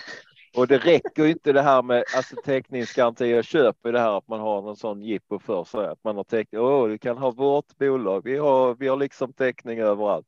Det räcker ju liksom inte att det står att man har 4G och 5G och allt vad det heter. för. Det ska ju fungera också skiten. Eh, Som alltså, Telia. eh, Tack Telia, Ja. vår blivande sponsor. Vi slänger in lite smygreklam hela tiden här. Ja, jag har gått Ja. över till Telia nu. Ja, det ser. Och Marco också. Ja, har Marco gått över faktiskt? Eh, han hade tecknat, trodde han, och sen vart han lite osäker vilket bolag det var. Jag sa, men fan så kan ni inte göra. Det måste ju liksom vara. Ja. Så vi tror att han har Telia, så att det kommer att gå svinfort att få ut podden här framgent. Jag vill bara poängtera innan vi gör för mycket reklam för vare sig Telia eller Telenor eller vad så finns det ju andra telefonbolag man kan välja också. Eh, Mm. Detta, detta säger jag inte bara för att fler ska nappa på att skicka pengar till oss för att vi nämner deras namn. Det finns till exempel eh, något bolag som heter typ Hallon eller något sånt där och det finns säkert något blåbär. Eh, ka- kanske finns en hel del andra man kan komma på som men då kan jag i alla fall kontakta oss via Twitter är väl lättast och det är Martin Ja. som sköter eh, snacket där. Tekniken igen. Eh, teknikern, IT-support och han har lite koll på det här med datanätverk och eh, telefonmottagare så, så man kan ju liksom inte dra vilka pennor som helst heller. Han Martin är mutad nu bra. så att uh, han har försvunnit. Ja, han, eh, han kan det där liksom så att ja. det enklaste är ju att sätta in pengarna direkt som vi vill ha så får man sitt namn uppläst på ett bra sätt. um, ja, nej, men det var väl egentligen allt vi hade att komma med idag. Ja, jag skulle ja, ha en grej till ju... innan vi avrundar. Ja, vi måste ju mm. fråga Oskar hur det känns inför imorgon. Ja, det känns faktiskt ruggigt bra. Uh, sen uh, vore det ju ytterst osannolikt att vi, vi tar oss till final. Det är alltså Dixie Brodda som ska ut i storchampionatkval imorgon. Uh, och Eh, nej, men hon har inte känts mer taggad än vad hon gjorde. I, i, hon fick några, några snabba intervaller igår och kändes riktigt på hugget. Så att, känns ju som att vi kanske är där, men det var inte alls planen. Det var ju alltså så att hon, hon skulle ha ett lopp i kroppen för två veckor sedan. Värmde först jättebra, sen var plötsligt halt, eh, stukade sig eller någonting sånt och, och eh, ehm, ja, det, det, blir ju inte lätt att eh, lyckas och, och få henne toppad när det varit ett stopp där. Hon fick ju ta det lite lugnt i en vecka då när hon hon skulle toppas inför det här, men det känns väldigt bra och det är liksom lite once in a lifetime. Men hon är ju mer rädd för bilen än snabb bakom bilen så att steg ett är att få fram henne till bilen. Så att vi måste åka typ nio timmar innan start nu för att vara med i bilprovstarten för att i alla andra hästars värld så är det ju, man lär dem ju vara bakom bilen och då förstår de det. Det är inga problem, men i Dixies värld så är det, det här är en helt ny bil. Den kan potentiellt överfalla mig. Man vet inte. Eh, så att eh, ja, vi måste dit och vara där en timme innan första start för att vara med i bilprovstarten. Men nej, men det känns jättebra som sagt, men eh, det, det, ja, nej, men det blir spännande. Alltså, jag blir inte förvånad om hon gör sitt livslopp, men, men det ska ju mycket till. Det var ju det var inte liksom det här som var planen om man säger hon skulle ha ett race i sig. Så att, vi får se. Mm, spännande. Ja, men spännande. Mm. Det är riktigt. Hade du något mer Martin? Nej, det var, det var mer än att eh, om vi har några värmlänningar som lyssnar på podden så uppmanar jag er att eh, trotsa regnet och, och se trav på plats på Årjäng. Det är nästan eh, min höjd, höjdpunkt på året. Elitloppet är häftigt, men det här eh, det är som eh, Håkan, det här är lite mitt Elitlopp. Det, det är en jättefin bana och vi sitter uppe på berget där det nästan blir som man sitter i en hockeyarena på andra sektionen. Man har jättebra överblick men ändå sitter nära. Uh, nej, det är, jag är riktigt taggad. Mm.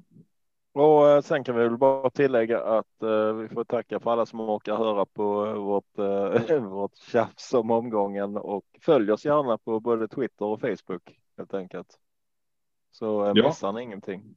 Jag kanske slänger upp någon live-rapportering från banan på Twitter när, när jag ändå är på plats. Kan ni gå in och följa det. Vilken öl blir det?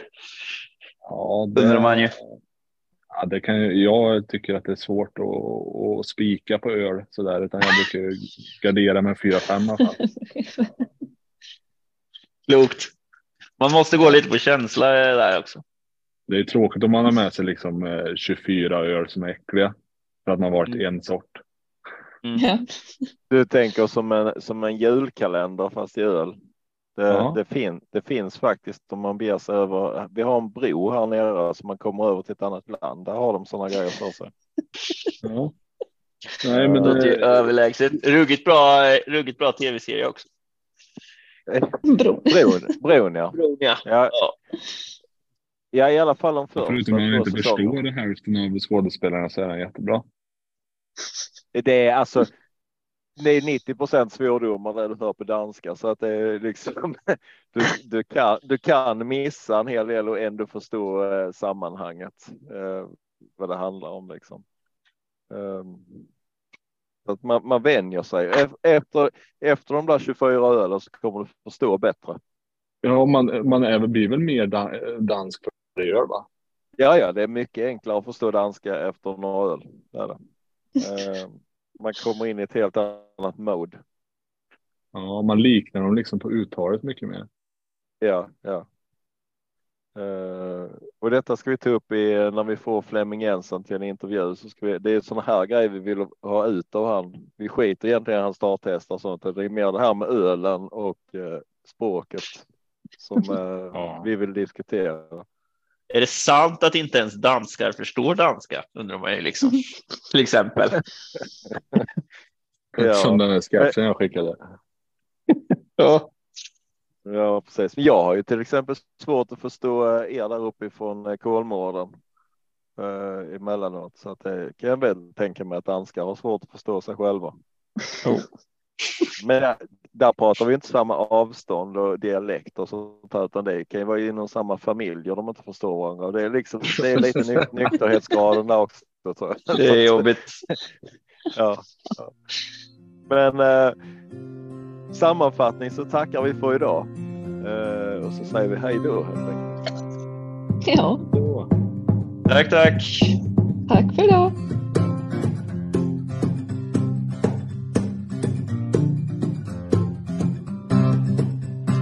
Torsdag kväll och jag väntar på att podden släpps och jag känner då kan de små inte somna nu. När det senare plingar till är det enda jag faktiskt vill. Att få min egen tid tillsammans med Gustav, Marco, Tobbe och Trav Lucka V75 och bara koppla av Sju rätt, en travpott är vägen till vinst Sen siktar vi mot drömmen och lördag igen. Tja-la-la. Sju rätt, en travpott för dig. Tja-la-la. Vi siktar mot lördag igen.